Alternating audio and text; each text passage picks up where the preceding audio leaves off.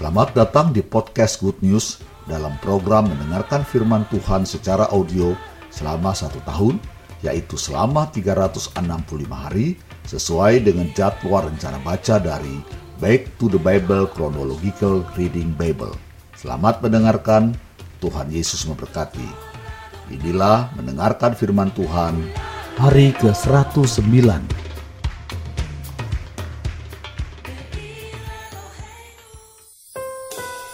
1 Samuel pasal 28 ayat 1 sampai 25.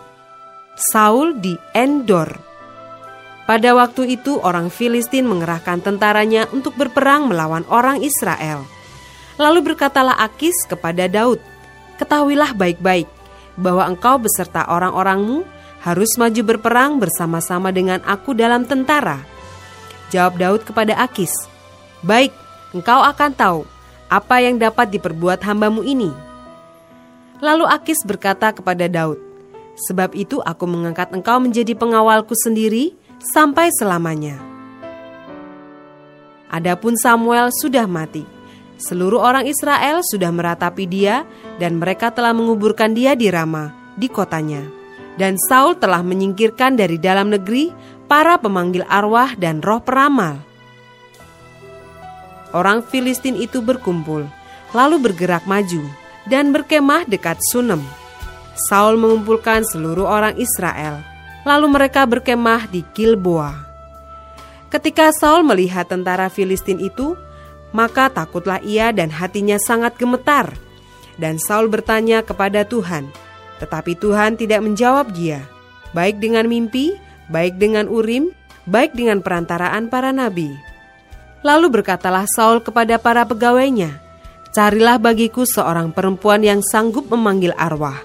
Maka aku hendak pergi kepadanya dan meminta petunjuk kepadanya. Para pegawainya menjawab dia, Di Endor ada seorang perempuan yang sanggup memanggil arwah. Lalu menyamarlah Saul, ia mengenakan pakaian lain, dan pergilah ia dengan dua orang.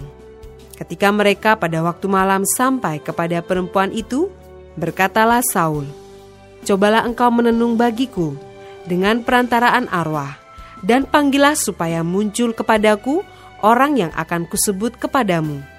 Tetapi perempuan itu menjawabnya, Tentu engkau mengetahui apa yang diperbuat Saul, bahwa ia telah melenyapkan dari dalam negeri para pemanggil arwah dan roh peramal. Mengapa engkau memasang jerat terhadap nyawaku untuk membunuh aku?' Lalu bersumpahlah Saul kepadanya demi Tuhan. Katanya, Demi Tuhan yang hidup, tidak akan ada kesalahan tertimpa kepadamu karena perkara ini. Sesudah itu bertanyalah perempuan itu, Siapakah yang harus kupanggil supaya muncul kepadamu? Jawabnya, Panggillah Samuel, supaya muncul kepadaku. Ketika perempuan itu melihat Samuel, berteriaklah ia dengan suara nyaring. Lalu perempuan itu berkata kepada Saul demikian, Mengapa engkau menipu aku? Engkau sendirilah Saul. Maka berbicaralah raja kepadanya. Janganlah takut. Tetapi apakah yang kau lihat? Perempuan itu menjawab Saul, Aku melihat sesuatu yang ilahi muncul dari dalam bumi. Kemudian bertanyalah ia kepada perempuan itu, Bagaimana rupanya? Jawabnya, Ada seorang tua muncul, berselubungkan jubah. Maka taulah Saul bahwa itulah Samuel. Lalu berlututlah ia dengan mukanya sampai ke tanah dan sujud menyembah. Sesudah itu berbicaralah Samuel kepada Saul, "Mengapa engkau mengganggu aku dengan memanggil aku muncul?" Kata Saul, "Aku sangat dalam keadaan terjepit. Orang Filistin berperang melawan aku, dan Allah telah undur daripadaku. Ia tidak menjawab aku lagi, baik dengan perantaraan nabi maupun dengan mimpi."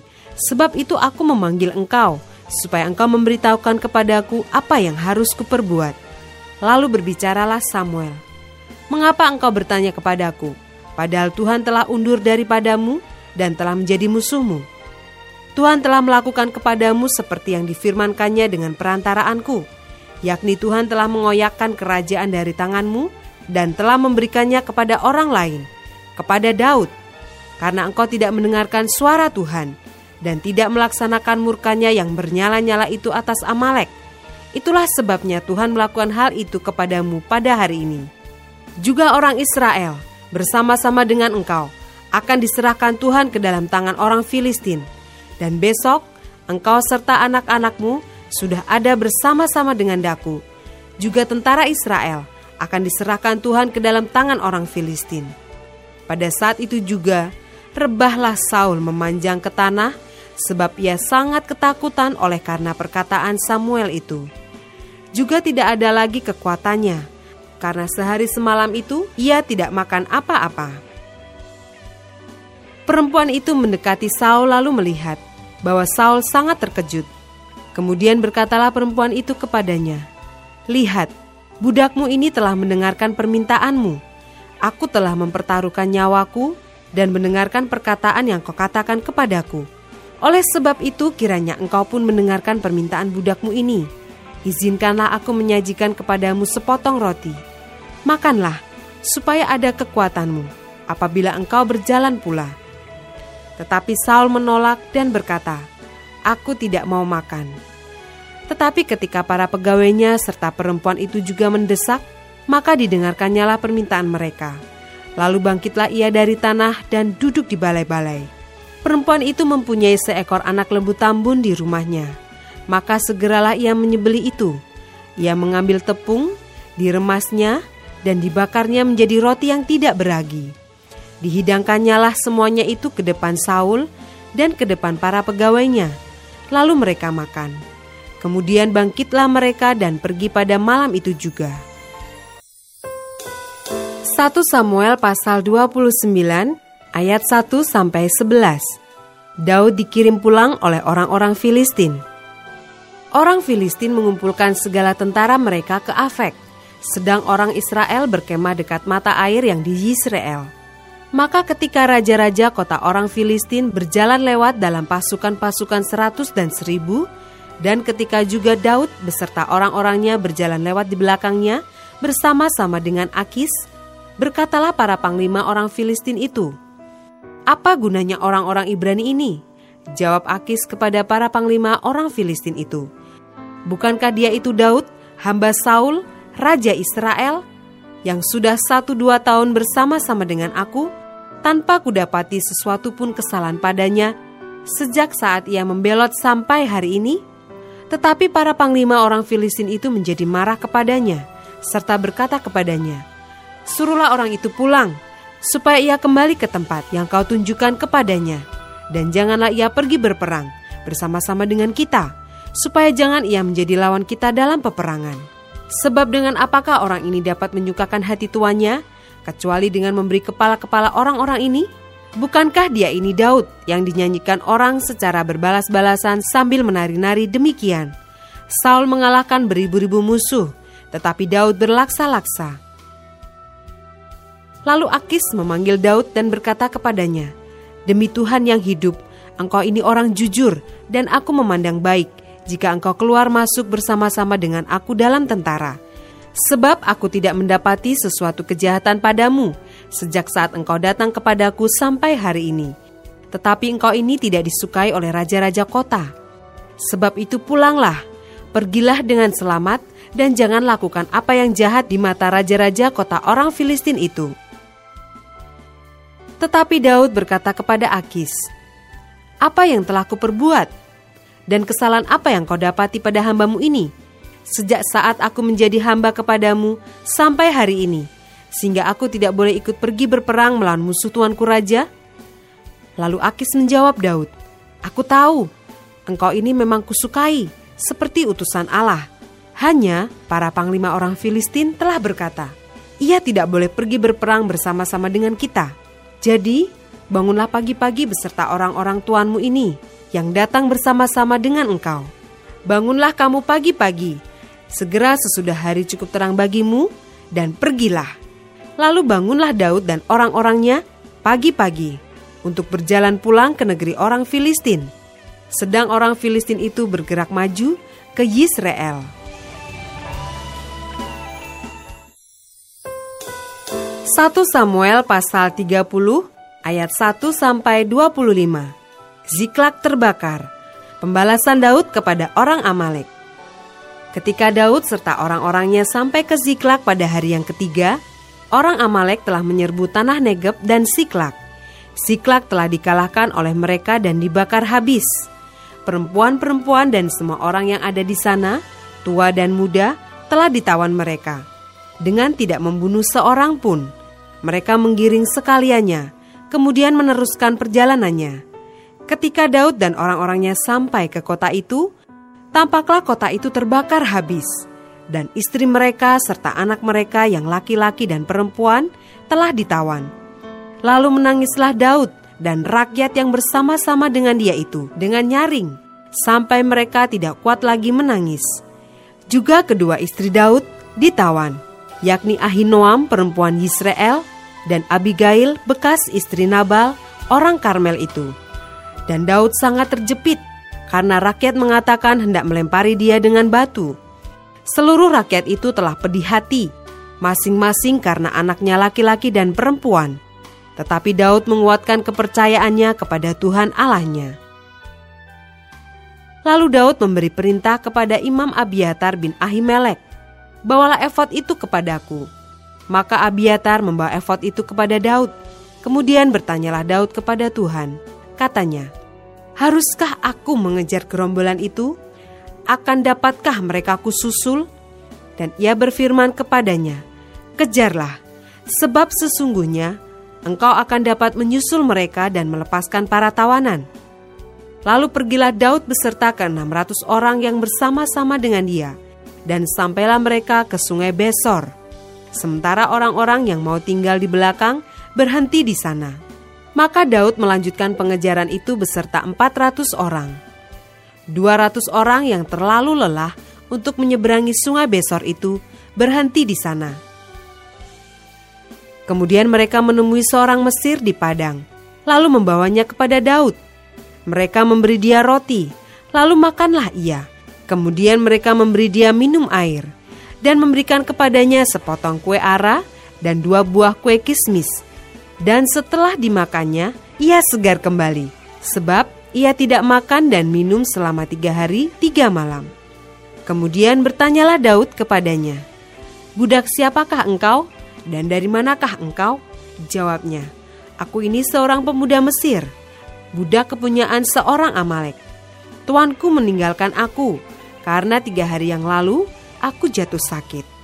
Kami telah menyerbu tanah Negeb orang Kreti, dan daerah Yehuda, dan tanah Negeb Kaleb, dan Siklak telah kami bakar habis. Daud bertanya kepadanya, Dapatkah engkau menunjuk jalan kepadaku ke gerombolan itu? Katanya, Bersumpahlah kepadaku demi Allah, bahwa engkau tidak akan membunuh aku, dan tidak akan menyerahkan aku ke dalam tangan tuanku itu. Maka aku akan menunjuk jalan kepadamu ke gerombolan itu. Ia menunjuk jalan kepada Daud ke sana dan tampaklah orang-orang itu berpencar-pencar di atas seluruh daerah itu, sambil makan, minum, dan mengadakan perayaan karena jarahan yang besar yang telah dirampas mereka dari tanah orang Filistin dan dari tanah Yehuda. Dan pada keesokan harinya, Daud menghancurkan mereka dari pagi-pagi buta sampai matahari terbenam. Tidak ada seorang pun dari mereka yang lolos, kecuali 400 orang muda yang melarikan diri dengan menunggang unta. Daud melepaskan semua apa yang dirampas oleh orang Amalek itu. Juga kedua istrinya dapat dilepaskan Daud. Tidak ada yang hilang pada mereka. Dari hal yang kecil sampai hal yang besar, sampai anak laki-laki dan anak perempuan, dan dari jarahan sampai segala sesuatu yang telah dirampas mereka, semuanya itu dibawa Daud kembali. Daud mengambil segala kambing domba dan lembu, semuanya itu digiring mereka di hadapannya serta berkata, Inilah jarahan Daud. Ketika Daud sampai kepada kedua ratus orang yang telah terlalu lelah untuk mengikuti Daud, yang telah dibiarkannya tinggal di dekat sungai Besor, maka keluarlah orang-orang ini menyongsong Daud dan menyongsong rakyat yang bersama-sama dengan dia. Daud mendekati orang-orang itu dan memberi salam kepada mereka. Kemudian mulailah berbicara semua orang jahat dan orang Dursila di antara orang-orang yang ikut pergi bersama-sama dengan Daud itu. Katanya, karena mereka tidak ikut pergi bersama-sama dengan kita, janganlah kita berikan kepada mereka apa-apa dari jarahan yang kita selamatkan itu, kecuali kepada masing-masing mereka istrinya dan anak-anaknya. Itu boleh mereka bawa, dan biarlah mereka pergi. Tetapi Daud berkata, Janganlah kamu, saudara-saudaraku, berbuat demikian dengan apa yang diberikan Tuhan kepada kita. Sebab ia telah melindungi kita dan menyerahkan ke dalam tangan kita gerombolan yang menyerang kita. Siapa yang mau mendengarkan kamu dalam perkara ini? Sebab bagian orang yang tinggal di dekat barang-barang adalah sama seperti bagian orang yang pergi berperang. Itu akan dibagi sama-sama. Dan demikianlah halnya sejak hari itu dan seterusnya. Hal itu ditentukannya menjadi ketetapan dan peraturan bagi orang Israel sampai sekarang.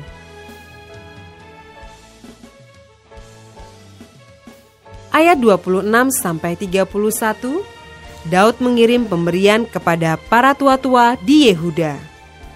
Ketika Daud sampai ke Siklak, dikirimnyalah sebagian dari jarahan itu kepada para tua-tua di Yehuda, kepada teman-temannya dengan pesan, Inilah pemberian kepadamu dari jarahan yang dirampas dari musuh Tuhan, yakni kepada yang di Betel, kepada yang di Ramot di tanah selatan, kepada yang di Yatir, kepada yang di Aroer, kepada yang di Sifmot, kepada yang di Estemoa, kepada yang di Rakal, kepada yang di kota-kota orang Yerahmeel, kepada yang di kota-kota orang Keni, kepada yang di Horma, kepada yang di Bor Asan, kepada yang di Atak, kepada yang di Hebron, dan kepada segala tempat di mana Daud dengan orang-orangnya mengembara.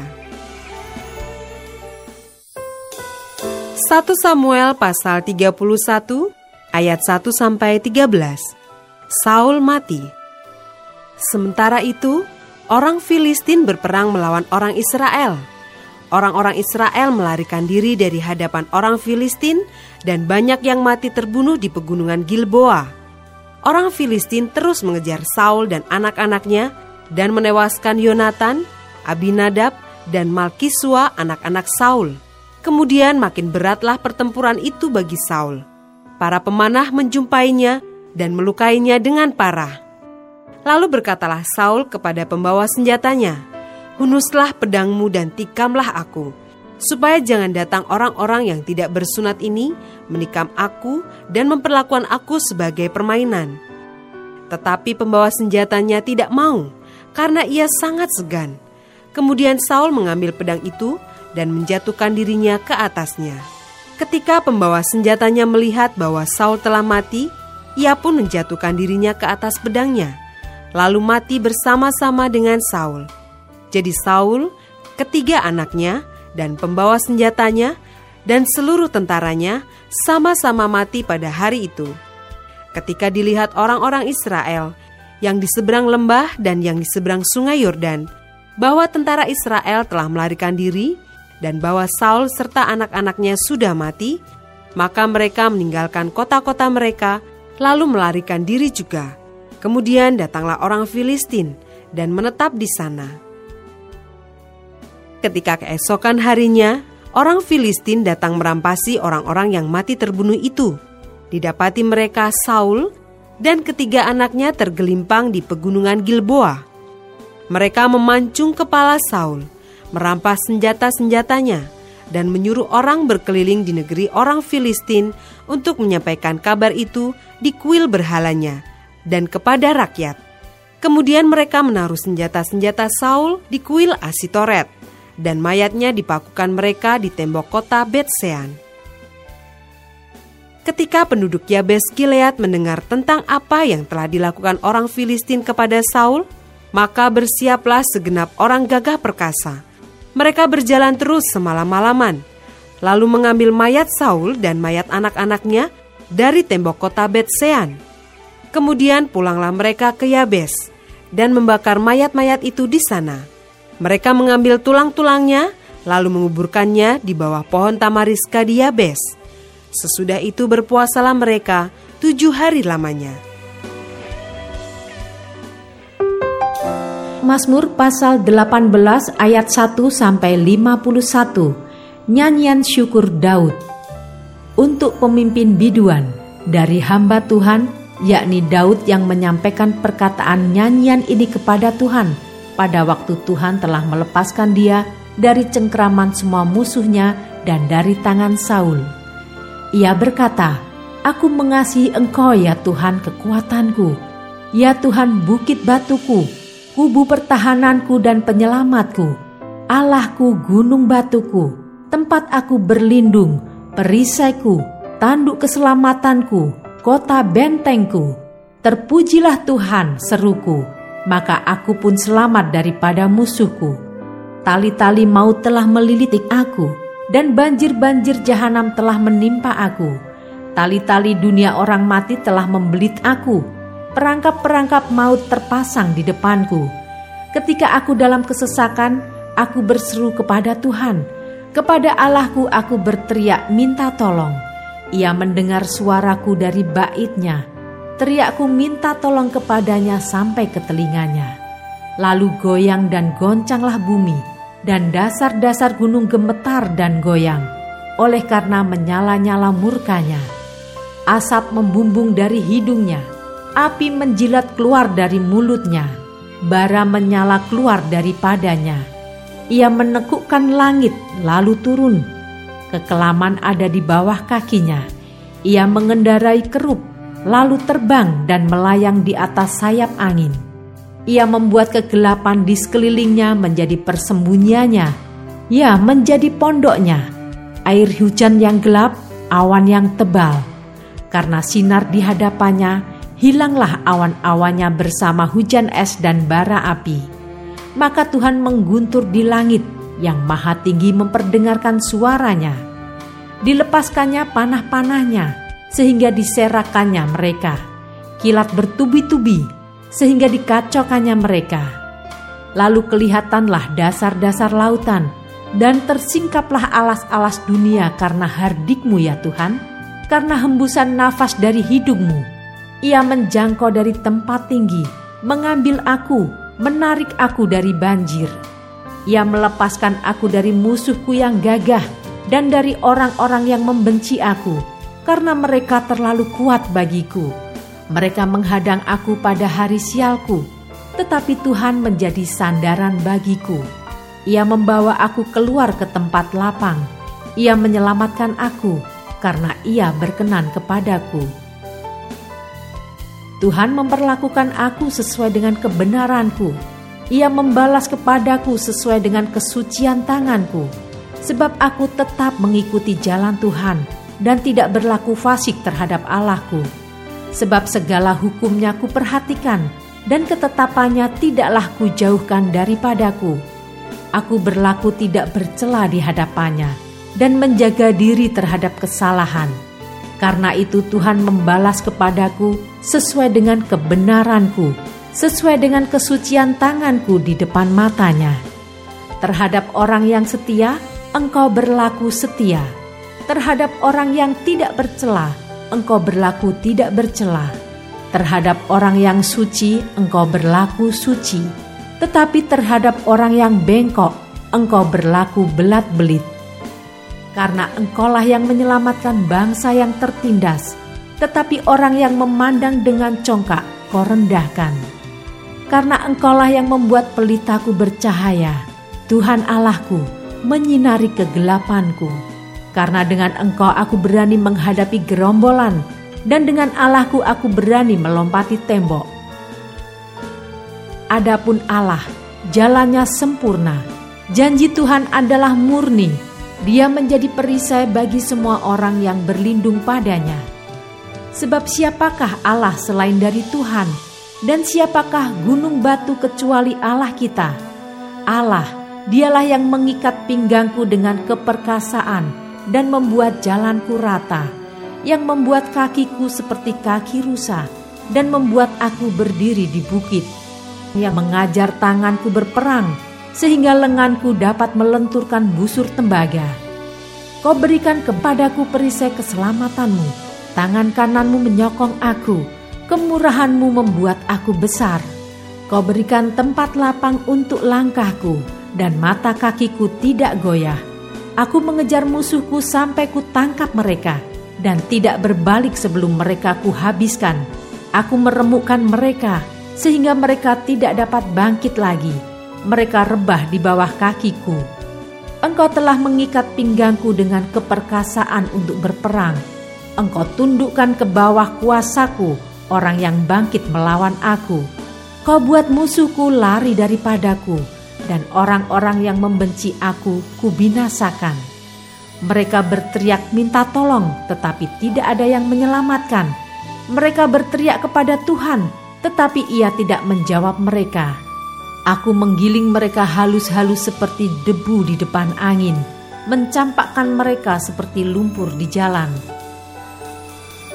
Engkau meluputkan aku dari perbantahan rakyat.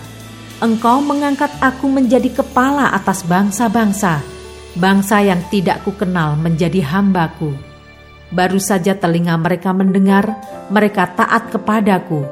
Orang-orang asing tunduk menjilat aku orang-orang asing pucat layu dan keluar dari kota kubunya dengan gemetar. Tuhan hidup, terpujilah gunung batuku, dan mulialah Allah penyelamatku. Allah yang telah mengadakan pembalasan bagiku, yang telah menaklukkan bangsa-bangsa ke bawah kuasaku, yang telah meluputkan aku daripada musuhku.